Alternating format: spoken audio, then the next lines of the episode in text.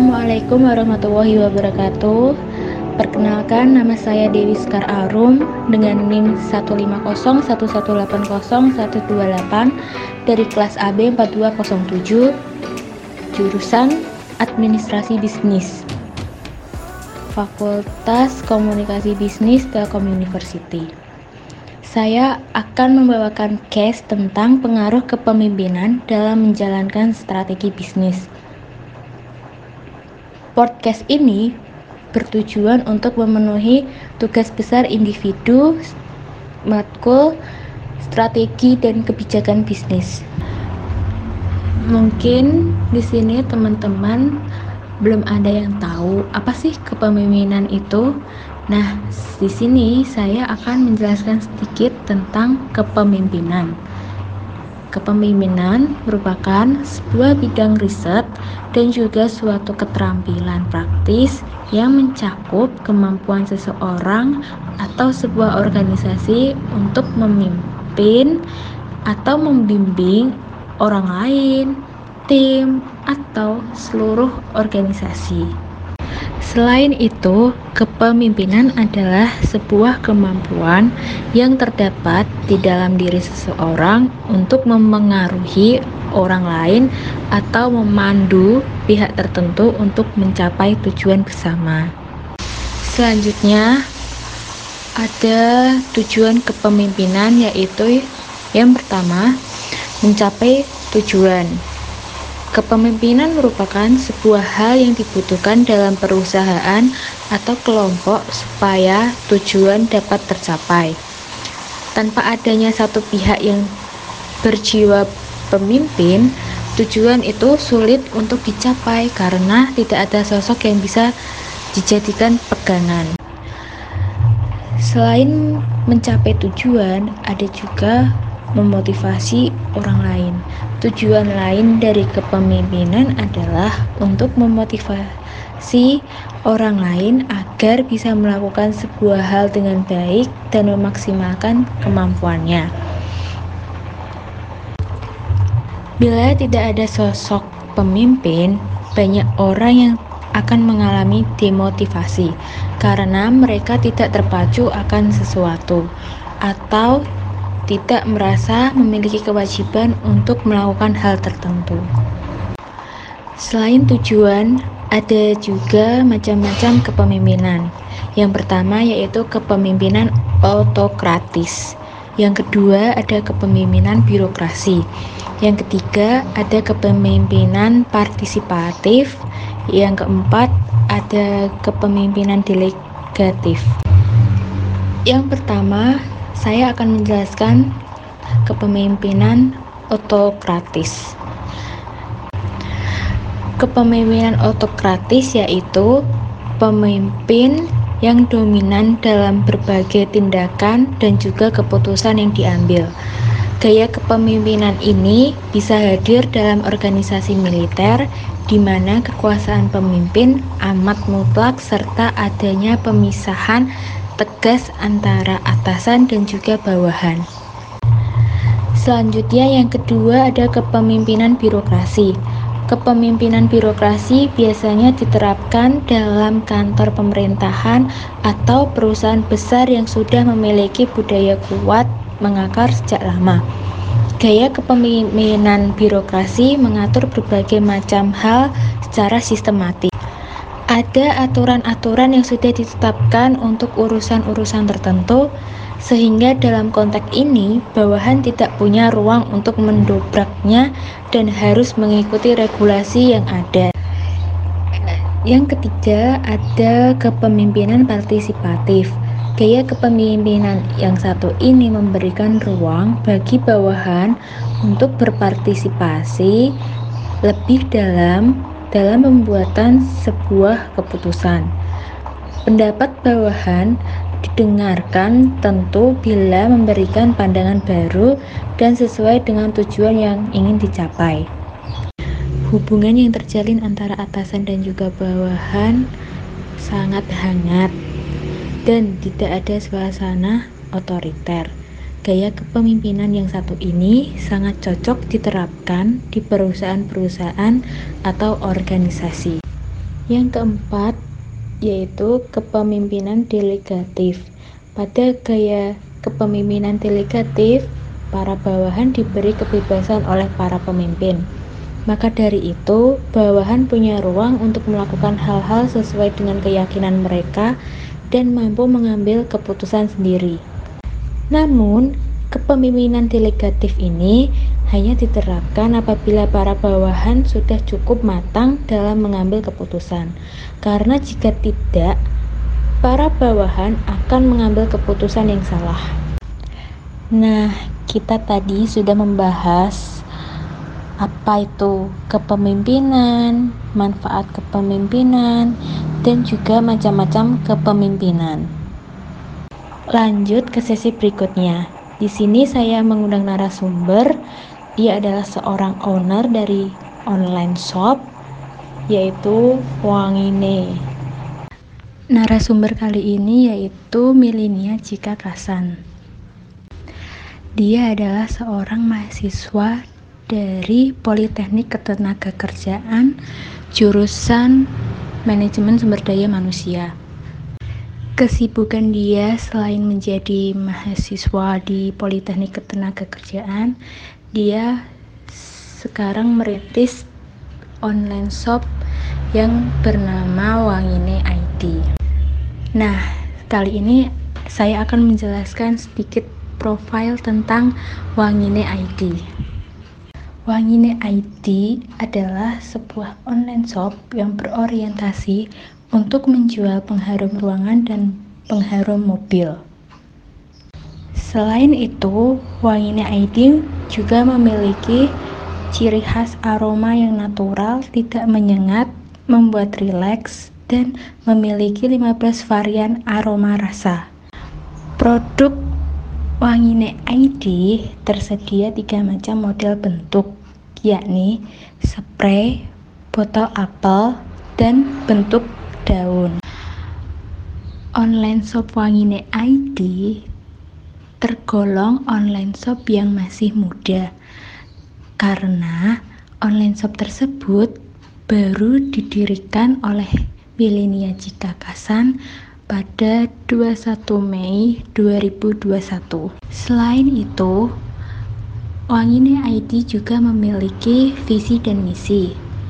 Berikut visi Wangine ID, yaitu menjadi online shop yang menjual pengharum terbesar di Indonesia dengan mengedepankan inovasi yang selalu mengikuti perkembangan zaman dan mengutamakan customer oriented. Lalu, misi. Yang pertama, memperluas pemasaran yang tersebar di seluruh warung atau toko atau retail. Yang kedua, menjual lebih banyak varian aroma rasa sesuai dengan kebutuhan konsumen. Itu sedikit profil dan visi misi dari online shop Wangine ID. Nah, selanjutnya langsung saja ya uh, saya akan mewawancarai Cika Kasan. Pertama-tama, aku mau nanya dulu nih ke Cika ya, kenapa nama online shopnya tuh Wangine ID, bukan yang lain gitu? Oke, thank you atas pertanyaannya. Tapi sebelumnya aku mau terima kasih banget karena udah mau kepo-kepo nih tentang online shop yang sedang aku jalanin. Jadi ngomong-ngomong masalah online shop, online shop aku tuh namanya Wangine ID gitu. Jadi dulu sebelum aku mau mulai membuka online shopku ke masyarakat, aku juga sempat bingung gitu mau namain apa gitu. Apakah toko pengharum atau toko parfum atau pengharum ruangan dan lain-lain gitu. Aku juga sempat bingung gitu. Yang mana kalau kita bicara tentang nama toko itu kan harus menciri mencerminkan produk yang dijual gitu. Nah, dulu aku sempet ganti satu kali aja sih.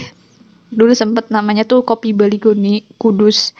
Nah, tapi sekarang setelah aku pikir-pikir produk yang aku jual kan nggak cuman kopi Baligoni gitu kan, ada beberapa yang lain gitu. Nah, akhirnya tercetuslah di situ uh, Wangine ID gitu yang mana dari segi filosofis wangi ID itu mencerminkan mengharum aku yang wangi yang yang wangi lah pokoknya nah makanya di situ aku memutuskan untuk menamai online shop aku itu Wangine ID gitu nah udah deh uh, eh, IG-nya juga Wangine ID terus Shopee Wangine ID store Shopee terus store di Tokopedia juga Wangine ID.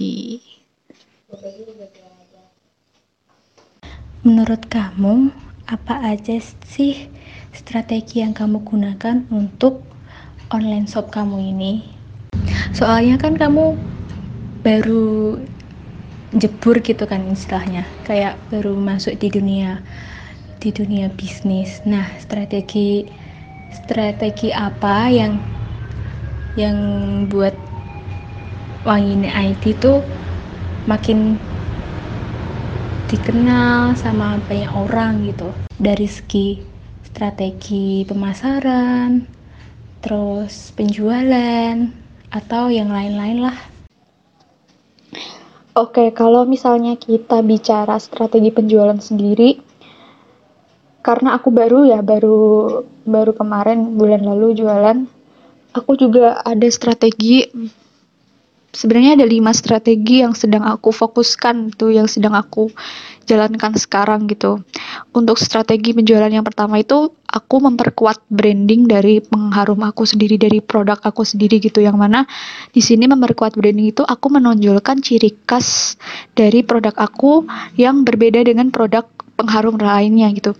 Misalnya kalau ciri khas dari produk aku itu ada 15 varian aroma rasa yang mana konsumen itu bebas memilih atau ada disajikan pilihan berbagai aroma rasa gitu dari buah-buahan, dari wangi-wangian bunga dan lain-lain gitu. Jadi benar-benar kesukaan mereka gitu, mereka bebas pilih.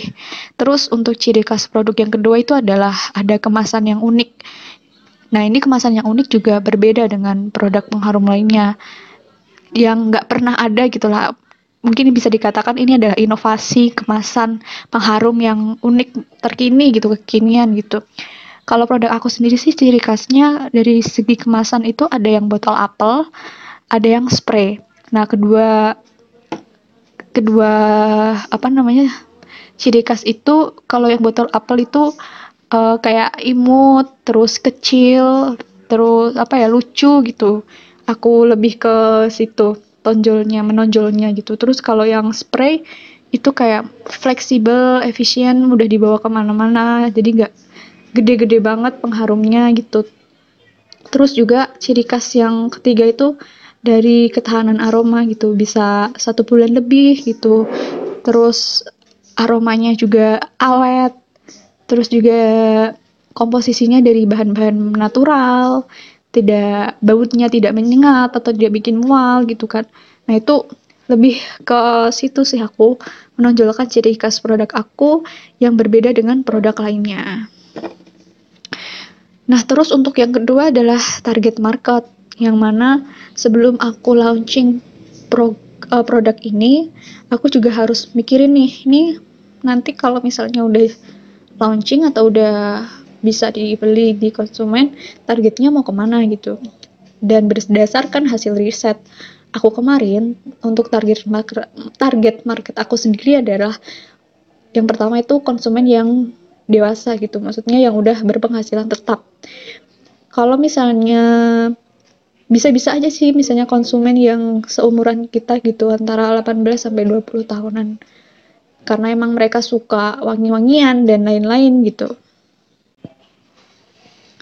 bisa aja gitu kalau umurnya dari 18 sampai 20 tahun gitu bisa-bisa aja kita menyasar ke situ cuman uh, ketertarikan mereka juga agak sedikit lebih rendah gitu karena ya buat apa mereka juga belum punya kendaraan pribadi, belum punya tempat tinggal pribadi gitu. Kecuali emang mereka suka dengan wangi-wangian ya, aroma-aroma wangi mungkin dipasang di kamar mereka sendiri gitu.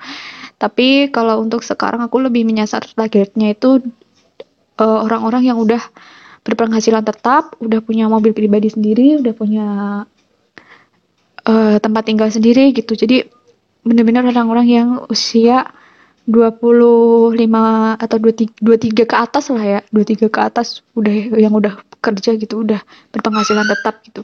Karena kemarin itu emang rata-rata konsumen aku juga orang-orang yang udah kerja gitu. Terus nah itu untuk target market terus untuk strategi penjualan yang ketiga itu uh, aku ada sistem pemasaran. Nah menurutku ini yang paling penting sih yang paling kita harus benar-benar melakukan strategi pemasaran dengan baik ya strategi marketing gitu. Apalagi sekarang lagi heboh-hebohnya mengenai digital marketing gitu yang mana kita harus juga tuh bisa mengaplikasikan digital marketing uh, produk kita bisa masuk ke situ tuh. Nah tentunya juga harus mempelajari ya trik-triknya digital marketing itu seperti apa dan lain-lain gitu. Cuman untuk sekarang strategi pemasaran aku yang pertama itu adalah direct selling yang mana aku langsung ngejual ke customer. Jadi direct selling itu aku langsung menemui customer langsung menawarkan produk ke customer aku bawa produknya lalu aku kasih tahu keunggulan-keunggulan produk aku tuh seperti apa terus ciri khas produk aku, aku tuh seperti apa gitu. Terus juga aku kasih tahu juga harganya tuh seperti apa ketahanan aroma dan lain-lain gitu. Aku langsung bertemu dengan kan konsumen di mungkin di jalan atau di di mall-mall atau di tempat-tempat umum gitu. Nah cuman sekarang direct sellingnya tetap mematuhi protokol kesehatan ya. Maksudnya pakai masker jaga jarak gitu. Ya untuk sekarang sih sistem pemasaran ini sih aku lebih fokus ke sini sih ke direct selling gitu. Karena emang aku pengen menjangkau orang-orang yang deket-deket aku dulu gitu. Aku tawarin ke kerabat ke tetangga ke saudara-saudara ke teman-teman aku gitu. Jadi aku langsung direct sellingnya ke situ. Aku langsung tawarin ke konsumen langsung lah pokoknya kayak gitu.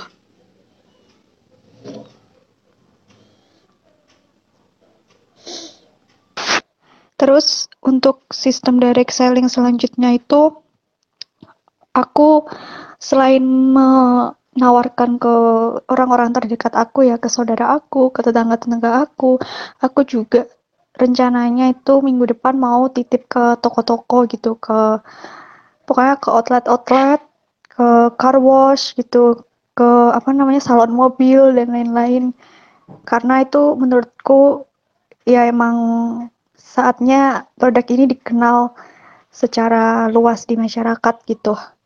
Terus untuk selanjutnya sistem pemasaran yang aku jalanin atau strategi pemasaran selanjutnya itu yang kedua itu ada promosi di media sosial gitu.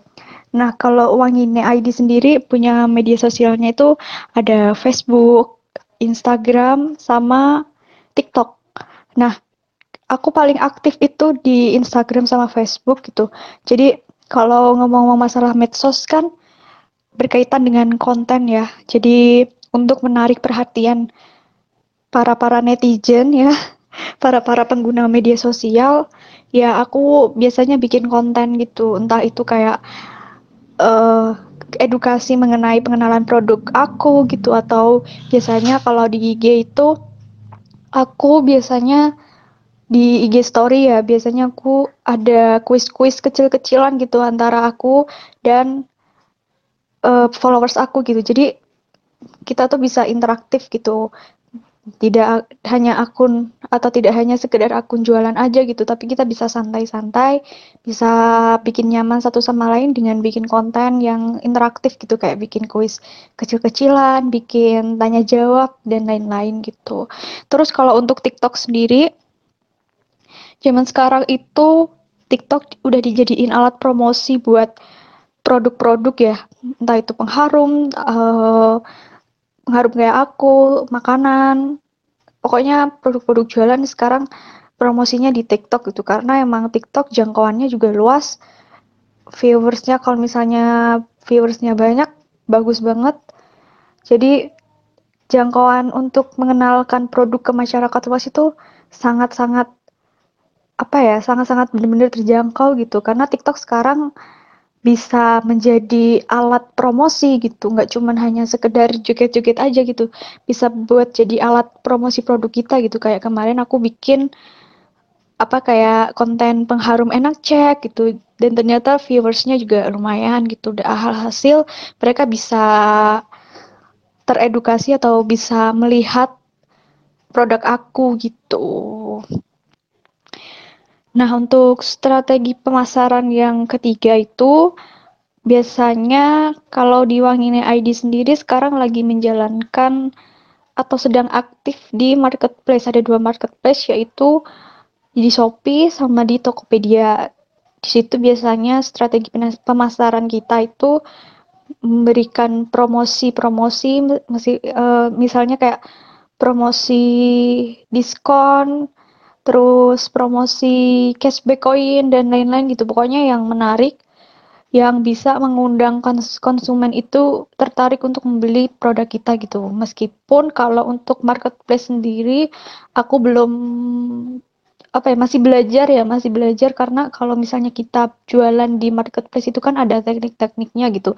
Kita harus paham mengenai kayak iklan terus paham mengenai data statistik penjualan eh pengunjung gitu. Jadi kita ada teknik-tekniknya sendiri kalau di marketplace gitu. Kalau untuk saat ini Wangine ID belum maksimal untuk menjalankan yang di marketplace gitu. Jadi untuk strategi pemasaran yang difokuskan itu dua tadi yaitu direct selling sama promosi di media sosial gitu. Kalau untuk marketplace biasanya tuh kendala kita itu karena jangkauan dari market marketplace kan luas ya. Ada berjuta-juta orang jualan pengharum yang lebih yang lebih lah pokoknya dari pengharum Wangine ID. Jadi kadang perang harga juga bisa menjadi faktor gitu. Misalnya apa ya? Ada harga yang lebih murah dari Wangine ID gitu. Otomatis kan bisa aja konsumen memilih yang harga yang lebih murah gitu dan dapat diskon terus gratis ongkir lagi. Nah, itu sebenarnya kalau di marketplace tuh susah-susah gampang gitu kalau misalnya kita udah tahu tekniknya sih gampang. Cuman kalau sekarang uh, saya selaku owner dari Wangine ID sih belum apa ya masih belajar lah untuk teknik-teknik jualan di marketplace gitu karena emang saingannya banyak terus harganya juga ada yang lebih murah gitu. Alhasil kan pasti konsumen itu memilih harga yang lebih murah gitu, which is sama-sama pengharum gitu kan. Nah itu sih kalau sekarang sistem pemasarannya tadi ya intinya tuh kita ada fokus kedua yaitu ke sistem direct selling sama promosi di medsos. Oh ya, untuk yang promosi di media sosial itu biasanya atau saat ini yang sedang kami jalankan itu ada Facebook Ads, terus Instagram Ads, terus uh, paid promote gitu rencananya. Karena emang kalau apa ya, kita juga harus meskipun UMKM, kita harus juga mengerti pemasaran secara uh, digital marketing yang sekarang tuh lagi happening di pasaran di market gitu. Jadi kita juga masih belajar juga gitu untuk pemasaran sistem pemasaran yang berbasis digital marketing gitu kayak pemasaran Instagram organik gitu dan lain-lain. Terus juga yang keempat itu strategi penjualannya itu adalah uh, kepuasan pelanggan gitu. Yang pasti kita sangat uh, customer oriented yang mana kepuasan pelanggan pelanggan itu kami utamakan ya.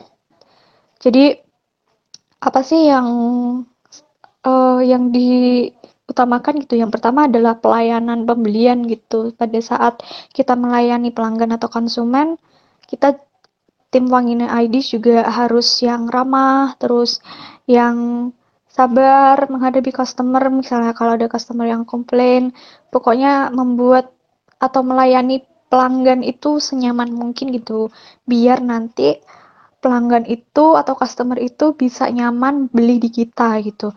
Terus juga kepuasan yang pelang, uh, kepuasan pelanggan yang selanjutnya itu mengenai uh, packing produk gitu. Kalau dari Wangini ID sendiri sih packing produknya itu benar-benar sangat menarik ya. Jadi packing produknya itu box, uh, box kotak warna coklat gitu, terus kita hias-hias pita-pita, terus kita kasih uh, kartu ucapan terima kasih sudah order dan lain-lain gitu. Karena kalau menurut kami ya, packing atau kemasan itu menjadi salah satu penilaian dari customer sendiri gitu. Jadi kalau misalnya kemasan kita menarik, ada kesan sendiri gitu uh, kepada saat kita membeli produk. Jadi itu yang diutamakan packing produk yang menarik. Terus juga selain itu biasanya sih kalau gimana caranya biar mereka repeat order atau apa namanya beli lagi di kita itu biasanya kita tuh ngasih tester.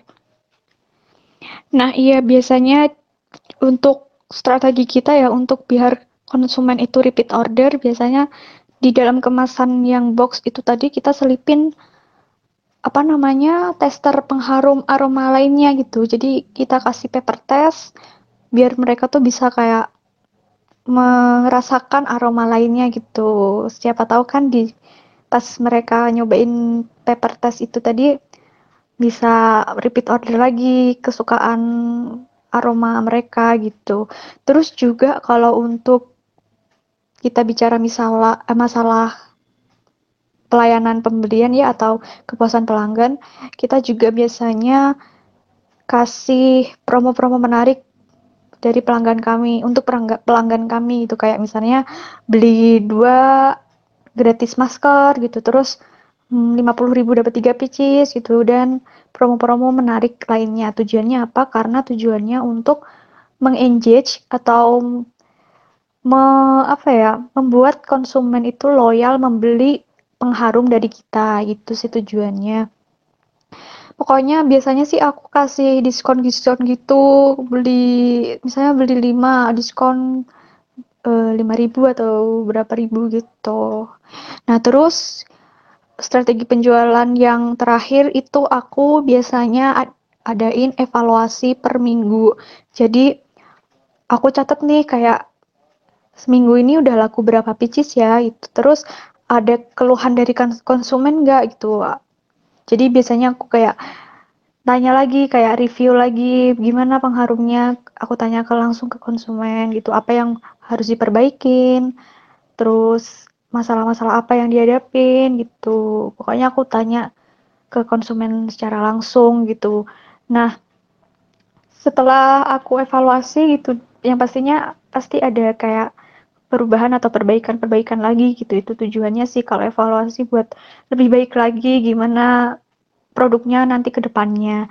Nah, selain evaluasi mingguan, aku juga ada evaluasi bulanan gitu kayak target bulan depan tuh mau dipasarin ke mana gitu. Terus target nya mau berapa pieces nih laku dalam satu bulan tuh gitu. Terus ada promo-promo menarik apa yang akan diadain gitu. Pokoknya rencana-rencana buat ke depannya itu seperti apa gitu. Nah kalau untuk strategi penjualan sih cukup itu aja ya lima tadi. Yang pertama ada membuat uh, memperkuat branding pengharum atau produk aku, terus ada target market, Terus juga ada sistem pemasaran, lalu kepuasan pelanggan dan evaluasi per minggu atau per bulan. Untuk strategi pemasaran, kamu lebih sering uh, masarin pengharum kamu ini tuh di mana? Uh, seperti Facebook, Instagram, atau e-commerce lainnya. Kalau untuk pemasaran sendiri, seperti yang aku bilang sih, ada tiga ya yang sistem pemasaran yang aku lakukan gitu. Yang pertama ada direct selling, ada promosi di medsos, sama di promosi di marketplace gitu. Kalau untuk sekarang yang aku fokuskan strategi aku yaitu di direct selling, promosi secara langsung, menemui konsumen sama promosi di media sosial gitu.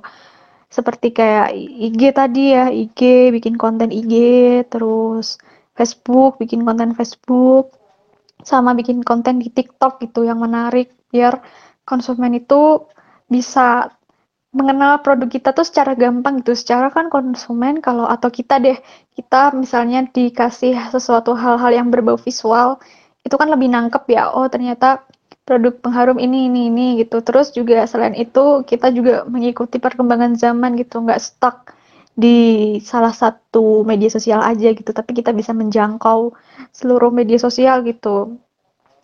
Itu sih yang paling aku apa namanya promosi di medsos. Kayak gitu-gitu sih bikin konten-konten yang menarik gitu. Terus kalau untuk yang marketplace itu biasanya aku promosinya itu kayak gratis ongkir, terus cashback, sama ada promosi uh, diskon berapa persen gitu. Tapi untuk marketplace sendiri, kalau dari aku sendiri sih masih apa ya, uh, belum memfokuskan ke marketplace. Maksudnya sudah sudah ada akunnya, cuman kita promosinya tuh uh, seminggu sekali lah promosi gitu.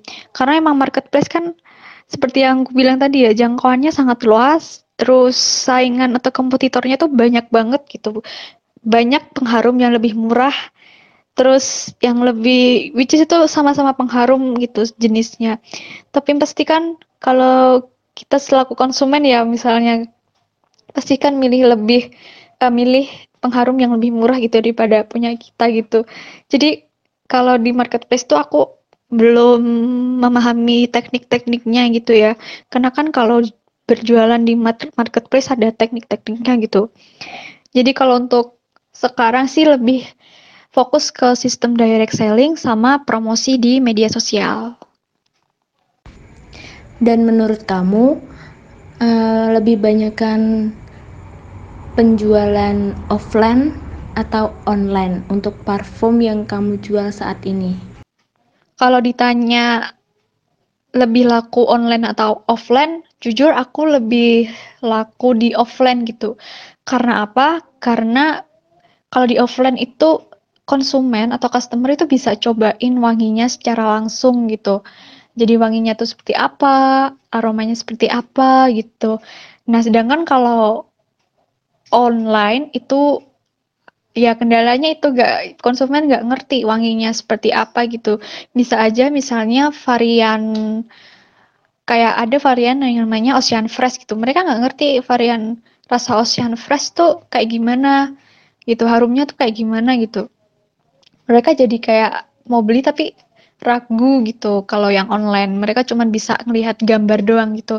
Tapi kalau offline itu mereka bisa ngerasain wanginya seperti apa gitu terus bentuknya secara real tuh seperti apa gitu. Jadi kalau saat ini sih yang laku itu penjualan secara offline gitu. Selain mereka bisa nyobain wanginya mereka juga bisa melihat produknya secara real gitu. Apakah sesuai dengan gambar apa atau enggak gitu. Sekarang di offline sih ya dengan sistem direct selling tadi yang paling laku gitu. Aku tawarin langsung ke kostu, ke konsumen. Aku tawarin kayak cobain gitu nih cobain ada pengharum wangi nih gitu cobain rasanya boleh kok gitu.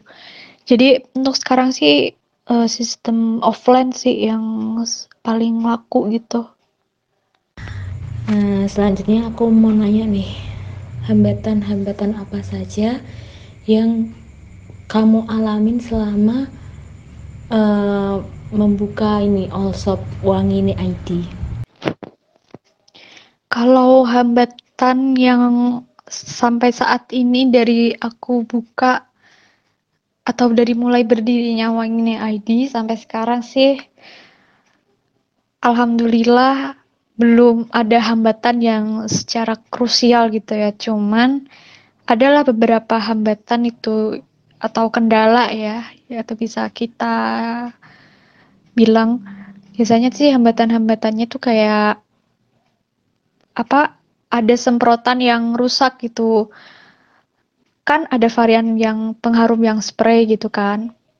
Terus aku belum aku juga belum meneliti gitu kan. Karena itu udah masuk ke dalam box. Terus sampai ke customer gak bisa di spray gitu. Kadang kadang itu sih yang apa namanya bikin hambatan gitu. Terus ada sih secara teknis itu sih. Terus karena produk ini baru ya produk ini baru banget baru banget launching gitu ya belum ada genep sebulan kan ya. Terus kalau hambatannya sendiri ya dari pengenalan produk belum secara luas dikenal oleh masyarakat gitu. Cuman hanya orang-orang terdekat aku gitu. Nah makanya mungkin kita akan melakukan adanya evaluasi-evaluasi lagi nih. Gimana caranya biar masyarakat itu bisa mengenalkan produk kita gitu. Apakah dari sisi iklan dari promosi dari segmentasinya kita harus ubah lagi gitu. Jadi hambatannya sih itu karena produknya juga baru kan gitu. Terus baru banget berdiri gitu. Terus kita belum bisa menjangkau secara luas masyarakatnya untuk mengenali produk kita gitu paling itu aja sih kalau hambatannya dua itu sih yang pertama tadi kalau secara teknis kadang ada produk-produk yang nggak bisa disemprot terus apa namanya yang nggak bisa keluar gitu uh, apa namanya airnya gitu. Terus untuk yang kedua kendalanya itu adalah karena ini produk baru, jadi masyarakat belum secara luas mengenalnya gitu. Mungkin nanti kita akan uh, lebih lagi ya, lebih lagi melakukan promosi-promosi yang menarik yang bisa mengundang mereka untuk membeli produk kita gitu. Oh iya, aku mau tanya nih kenapa kamu jualannya tuh malah parfum buat mobil, buat ruangan? Kenapa jualannya nggak kayak baju, tas, atau hijab mungkin yang lagi ngetren saat ini? Biasanya kan kalau anak muda zaman sekarang pasti tertariknya tuh jualan jualannya kayak apa ya kayak yang lagi ngetren saat ini kayak kerudung plisket tuh baru ngetren kan nah kenapa kamu kok jualannya malah parfum. Parfum kan identik hanya untuk kayak yang udah menikah kan? Oke, ini menarik banget sih pertanyaannya. Kenapa aku memilih untuk jualan pengharum mobil atau pengharum ruangan gitu ya? Karena gini kalau misalnya kita udah nemu sebuah produk yang dirasa itu memiliki peluang untuk bisa menambah income kita ya why not gitu kalau kita nggak mencoba untuk menjual barang tersebut gitu karena kita sebagai pelaku usaha ya kita juga harus melihat ke depan peluang-peluang apa saja sih yang bisa kita ambil keuntungannya gitu di sebuah produk gitu atau di sebuah bisnis. Jadi di sini aku melihat banyak sekali peluang-peluang berbisnis pengharum ya which is kalau misalnya kita melihat eksistensi dari pengharum sendiri ya semua butuh gitu kayak kayaknya semua ruangan kalau misalnya disuruh pasang pasti lebih baik dipasang pengharum gitu. Dan aku mikirnya bayangin kalau satu rumah itu ada lima ruang tiga atau lima ruangan gitulah tiga kamar tidur sama dapur dan toilet lima ruangan itu nah kalau misalnya kita bisa menginfluence orang-orang untuk menggunakan pengharum kita di seluruh ruangannya itu udah dikali berapa itu keuntungannya dalam satu produk gitu. Terus belum lagi produknya itu bisa digunain kendaraan itu yang mana kendaraan itu berbagai macam kendaraan itu ada kendaraan pribadi, terus mobil, truk, bus dan lain-lain gitu. Banyak sekali bisa digunakan gitu dalam uh, pemakaian produk ini gitu. Jadi aku ngelihatnya tuh di situ sih peluang pasarnya. Dan entah kenapa yang selanjutnya alasannya itu seperti yang sudah kamu bilang tadi kenapa nggak uh, jilbab dan lain-lain gitu kan? Ya karena itu udah banyak yang jual ya. Jadi kalau misalnya kita mau usaha itu jualah sesuatu yang berbeda dari orang kebanyakan jualan gitu. Meskipun sama-sama punya peluang keuntungan tapi kalau menurut aku bisnis pengharum ini juga memiliki peluang keuntungan yang cukup besar untuk ke depannya gitu jadi itulah kenapa alasan aku memilih untuk berbisnis ini terus juga alasan aku untuk memilih bisnis pengharum itu karena yang pertama itu menurut aku produk aku itu sangat unik dan berbeda dari produk pengharum lainnya gitu. Yang mana pertama sih yang sudah aku jelasin sebelumnya bahwa produk aku itu memiliki ciri khas yang tersedia berbagai macam pilihan varian aroma rasa. Jadi customer itu ngerasa gak bosen gitu. Dia bisa bulan ini misalnya pakai aroma ini gitu bulan selanjutnya bisa pakai aroma yang lain gitu. Jadi menurut aku ya produk aku unik gitu punya banyak berbagai banyak rasa yang bisa dipilih customer. Terus juga selain itu dari sisi kemasan menurut aku juga unik sekali itu berbeda dari pengharum-pengharum lain yang mana aku ada dua tiga deh tiga tiga tipe. Yang pertama itu ada yang spray yang spray itu sangat efisien sekali mudah dibawa ke mana-mana nggak gede-gede banget bisa ditaruh di atau bisa masuk ke mana aja ke tempat pensil bahkan masuk karena emang sangat efisien sekali gitu. Terus yang kedua ada yang botol apel. Yang botol apel itu e, cara pemakaiannya itu digantung. Jadi bentuknya botolnya tuh seperti botol apel gitu dan itu sangat unik menurut aku. Nah, ter, e, packaging botol apel itu menurutku gak ada yang jual merek pengharum lain gitu selain pengharum aku dan ya keunikan-keunikan itulah yang membuat aku mengambil langkah untuk terjun di bidang bisnis pengharum. Terus juga aku yang ketiga itu ada varian kopi Baligoni yang mana itu pengharum yang pengharum dari biji kopi terus dibungkus dengan goni gitu karung goni yang kecil mini itu terus digantungin di seluruh ruangan sesuka hati. Nah itu menurut aku juga unik banget uh, inovasi-inovasi seperti itu gitu.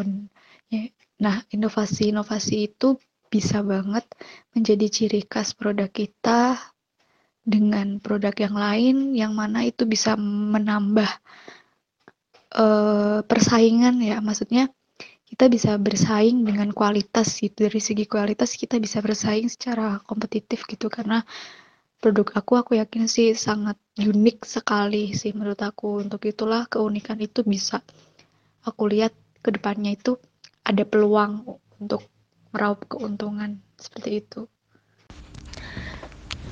uh, di masa pandemi ini kan banyak tuh UMKM yang yang penghasilannya menurun karena pandemi.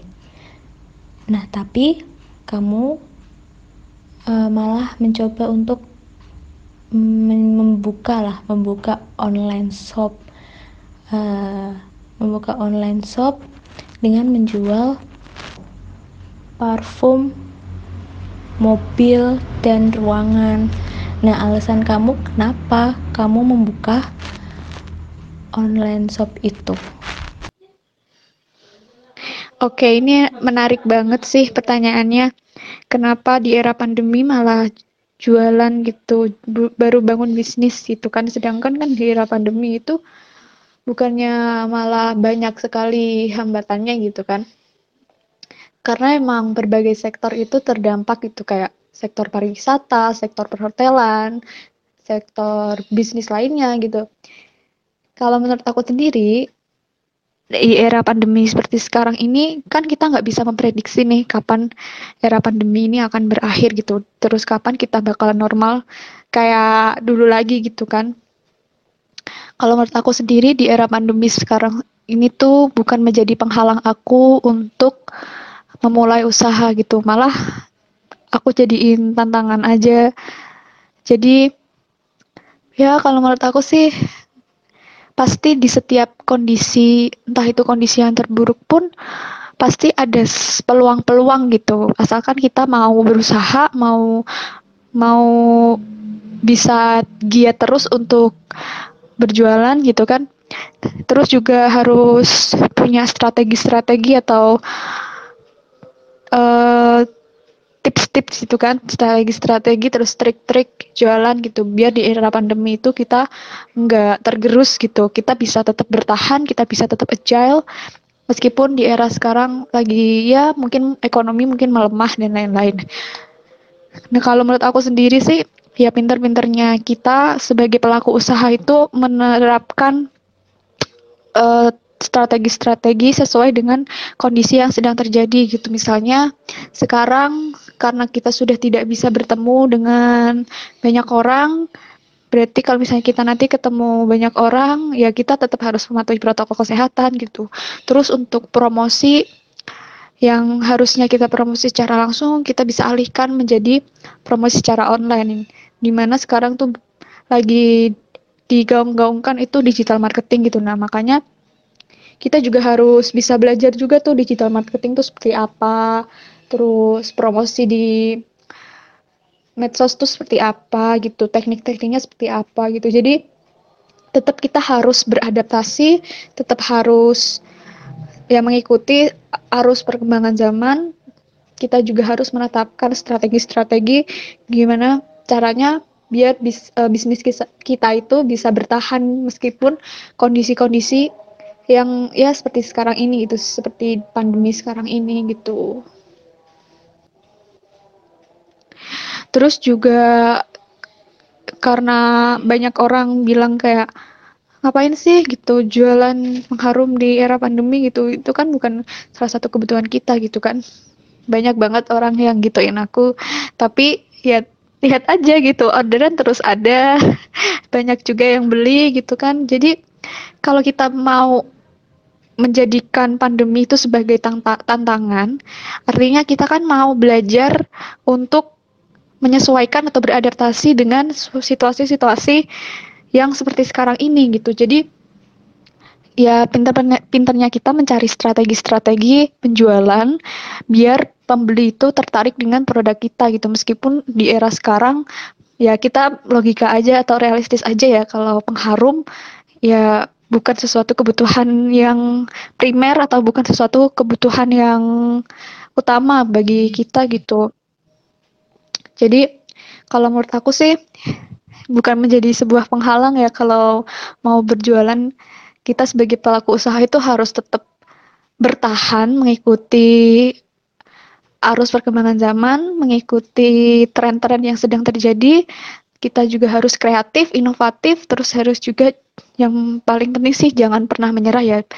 Meskipun di situasi terburuk apa pun, kalau kita pengen usaha kita berkembang, kita harus tetap jalan terus gitu. Meskipun kita merangkak-rangkak, tapi kan kita tetap harus berjalan gitu. Ibaratnya kita sekarang lagi jatuh lah, terus merangkak sedikit-sedikit. Nah, mungkin lama-lama kita bisa berjalan, terus ke depannya bisa berlari. Seperti itu sih kalau aku uh, pengharum yang kamu jual itu ada tiga bentuk ya. Yang pertama bentuk spray yang kedua botol bentuk apel dan yang ketiga bentuk daun. Nah untuk ketiga bentuk botol itu harganya sama semua atau beda-beda? Uh, bolehlah ya sekalian promosi di sini. Siapa tahu ada orang yang nggak sengaja gitu uh, dengerin podcast aku di Spotify Nah, lalu bisa tertarik nih sama produk kamu. Oh iya, pengharum aku itu ada empat macam bentuk, malah empat, empat macam bentuk model gitu. Yang pertama itu ada yang varian spray, yang kedua itu ada yang botol apel, yang ketiga itu yang kopi beliuni, terus yang keempat itu baru aja rilis bulan lalu, itu yang varian leaf. Kalau untuk masalah harga itu semuanya sama sih, 18 ribuan aja. Jadi pengharum aku itu terbuat dari bahan-bahan yang natural, yang spray sama yang botol apel, terus sama yang leaf itu wanginya terbuat dari bahan-bahan yang natural jadi nggak menyengat nggak bikin mual nggak bikin pusing gitu ya. Terus malah justru pengharum aku ini bikin rileks karena bener-bener terbuat dari bahan-bahan yang natural. Terus juga kalau yang kopi Baligoni itu terbuat dari 100% biji kopi Bali pilihan. Jadi ini cocok banget buat pecinta kopi gitu kalau untuk harga sih sama sih 18 ribuan aku jual murah aja gitu nggak yang mahal-mahal. Nah kurang apa lagi nih? Udah bentuk bentuknya lucu-lucu uh, terus terbuat dari natural, fresh, bikin mood membaik, bikin relax, terus murah lagi harganya terjangkau gitu. Dan aku yakin sih ini bakalan laku banget di pasaran, bisa dapat bersaing ya dengan dengan apa namanya dengan pengharum-pengharum kompetitor lah ya. Itu aja sih kalau pengharum aku. Oh ya untuk yang lift itu kemarin sempet banyak banget yang pesen karena emang wanginya itu kekinian. Jadi ada delapan aroma varian rasa. Kalau untuk yang lift sendiri itu cocok banget buat di lemari. Di jadi dia tuh pas buka lemari tuh kayak semerbak gitu aromanya. Pokoknya itu enak banget untuk yang varian yang lift itu. Cocok banget buat entah ditaruh di lemari gitu. Di gantung di toilet pun juga wangi banget.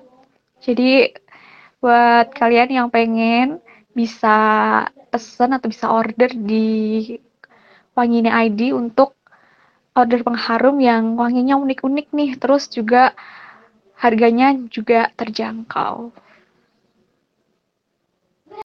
Bagaimana cara kamu menghadapi kompetitor yang baru? Contohnya, ada reseller yang menjual produk yang sama persis kayak kamu. Klasik sih sebenarnya jawabannya, rezeki kan udah ada yang atur sendiri-sendiri ya.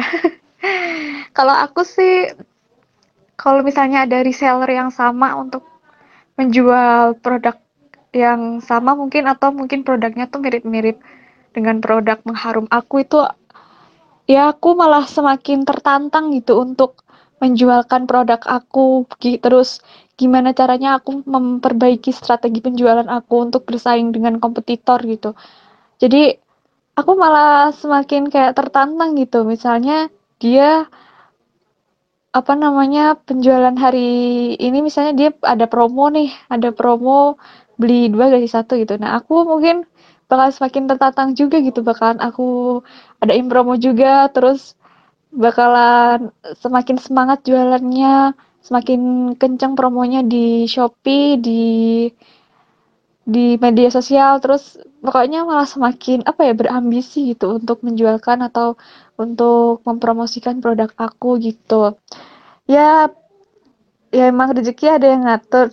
Cuman aku malah seneng gitu kalau ada kompetitor yang mungkin mirip-mirip gitu ya pengharumnya dengan produk aku gitu. Dan dari situ aku juga bisa semakin tertantang terus jadi semakin apa ya semakin berambisi gitulah kayak memperkenalkan produk aku bahwa produk aku tuh tetap yang paling berkualitas gitu. Terus kalau beli di Wangine ID tuh tetap pelayanannya yang diutamakan terus packingnya juga menarik.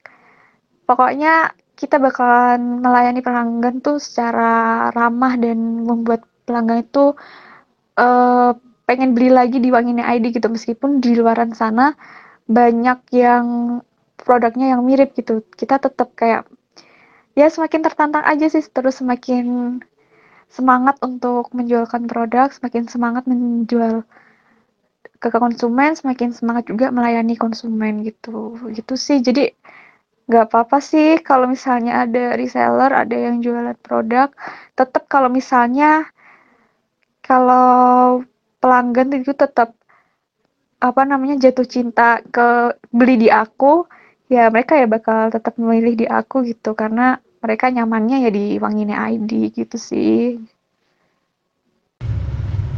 Oke, ini yang terakhir ya uh, bolehlah ya kasih tips tips agar kita pelaku usaha online shop itu tetap semangat jualan di masa era era pandemi inilah apa aja tips yang akan kamu sampaikan kepada teman-teman yang akan memulai memulai usaha online shop itu?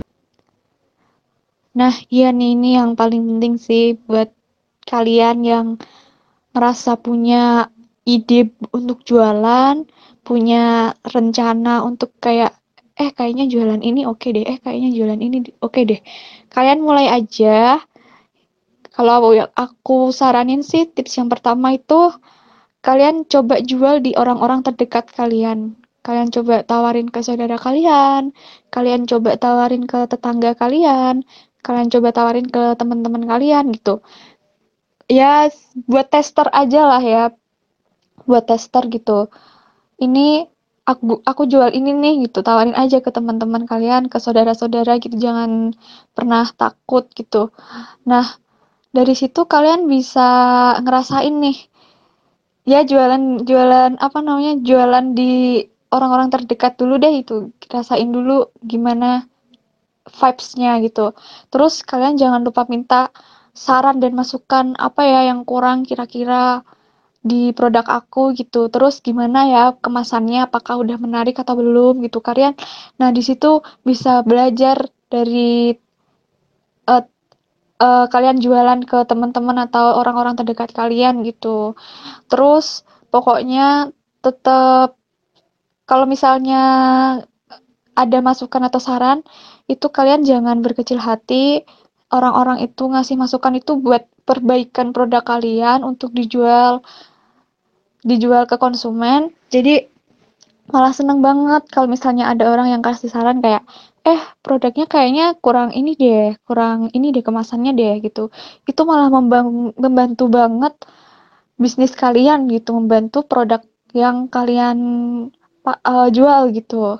Nah kalau aku sih saranin jual aja dulu di orang-orang terdekat atau tawarin-tawarin dulu di orang-orang terdekat gitu. Terus kalau dirasa orang-orang terdekat udah ngasih uh, feedback yang positif terus kalian ada masukan terus kalian perbaiki nah baru deh kalian bisa sebar, luasin nih ke masyarakat umum gitu. Atau mungkin teman-teman terdekat kalian bisa kalian omongin kalau eh tolong dong temannya dikasih tahu kalau aku lagi jualan ini dan lain-lain gitu. Nah itu sih.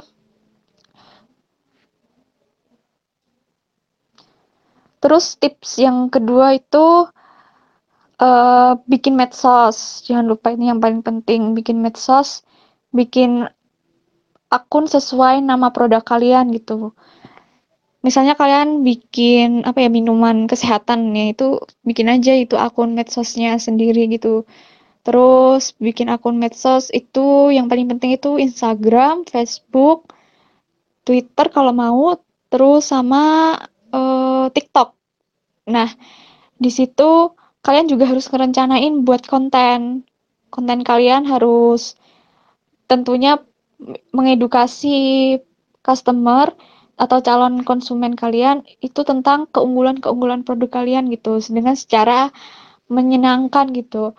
Ya, kalian bisa install aplikasi Canva untuk download uh, apa template-template feed di IG yang menarik gitu biar uh, calon pembeli pas melihat IG kalian tuh oh ternyata menarik juga gitu.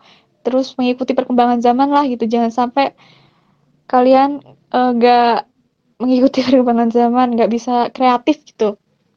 Terus juga ya edit-edit aja ringan-ringan gitu. Terus tiap tiga hari sekali misalnya bikin konten tentang uh, kesehatan atau bikin konten tentang apa ya yang lagi booming gitu terus bikin TikTok tuh itu paling gampang sih itu kayak misalnya kalau tadi minuman kesehatan kayak bikin konten aja minuman kesehatan cek gitu. Pokoknya yang lagi rame sekarang kalian ikutin aja gitu. Karena biar orang itu kesannya gak melihat produk kita tuh ketinggalan zaman gitu. Terus kalau udah bisa menghandle itu, itu kalian juga bisa, oh ya caption yang menarik, noh, caption yang menarik juga penting banget tuh kayak uh, apa ya kasih-kasih pantun atau kasih-kasih apa gitu biar yang baca tuh kayak menarik gitu, nggak ngebosenin, nggak yang kayak kaku-kaku banget gitu kan. Terus juga setelah itu kalian bisa searching ya browsing di Google, kalian bisa uh, searching kayak trik untuk men, apa membuat caption yang menarik atau apalah itu. Terus juga jangan lupa kasih hashtag sesuai dengan produk kalian jual yang kalian jual.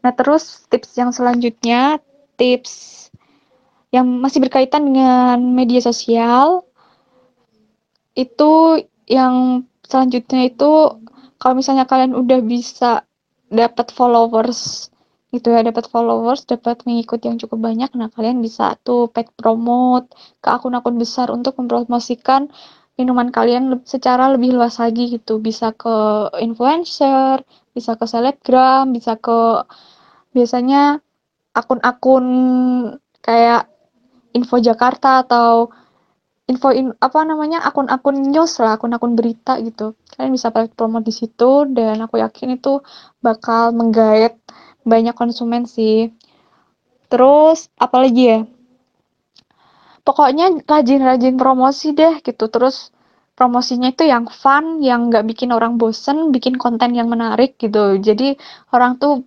kayak tertarik dengan konten kita dan juga mereka tertarik nih bakalan membeli produk kita gitu. Kalau untuk sekarang kayaknya itu aja sih. Pokoknya jangan pernah takut untuk melangkah.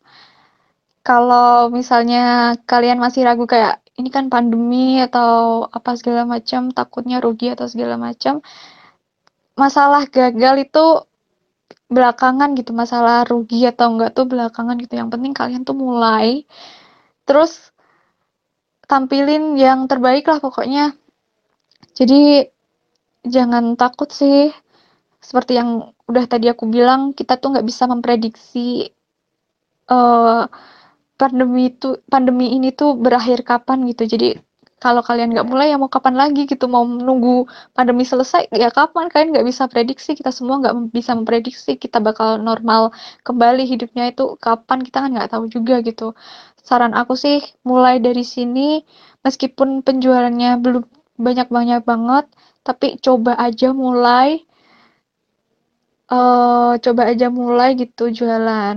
Jadi jangan pernah takut kayak takut ntar rugi takut ntar gak ada yang beli gitu. Itu nanti itu itu apa ya belakangan lah gitu. Yang penting kalian bisa show produk kalian yang yang kalian jual itu ke masyarakat gitu. Kalau eh aku jualan produk ini tolong beli gitu. Jadi menurut aku jangan pernah takut melangkah gitu. Itu aja sih Nah, dari hasil wawancara saya dengan narasumber Milenia Cikakasan, dapat disimpulin bahwa strategi penjualan dapat dilakukan dengan cara yang pertama, memperkuat branding, yang kedua, harus tahu siapa aja target marketnya, yang ketiga, sistem pemasarannya. Nah, sistem pemasaran pemasarannya uh, melalui direct selling, promosi di medsos seperti TikTok, Facebook, Instagram atau e-commerce lainnya. Nah, yang keempat kepuasan pelanggan. Yang kelima evaluasi per minggu. Artinya, jika sebagai owner harus mengevaluasi all-shop dia dengan cara menanyakan kepada customernya. Entah itu dari segi packing, uh, pengharum pengharumnya wangi atau enggak, uh, botolnya pecah atau enggak, gitu sih. Nah, itu tadi podcast yang saya bawakan tentang pengaruh kepemimpinan dalam menjalankan strategi bisnis. Podcast ini bertujuan untuk memenuhi tugas besar individu, matkul strategi dan kebijakan bisnis. Di mana saya sudah menjelaskan apa itu kepemimpinan, tujuan kepemimpinan, dan macam-macam kepemimpinan. Lalu saya tadi sudah mewawancarai owner dari Wangini ID yaitu Milenia Cikakasan. Semoga bermanfaat. Sekian podcast dari saya. Terima kasih sudah mendengarkan sampai akhir. Wassalamualaikum warahmatullahi wabarakatuh.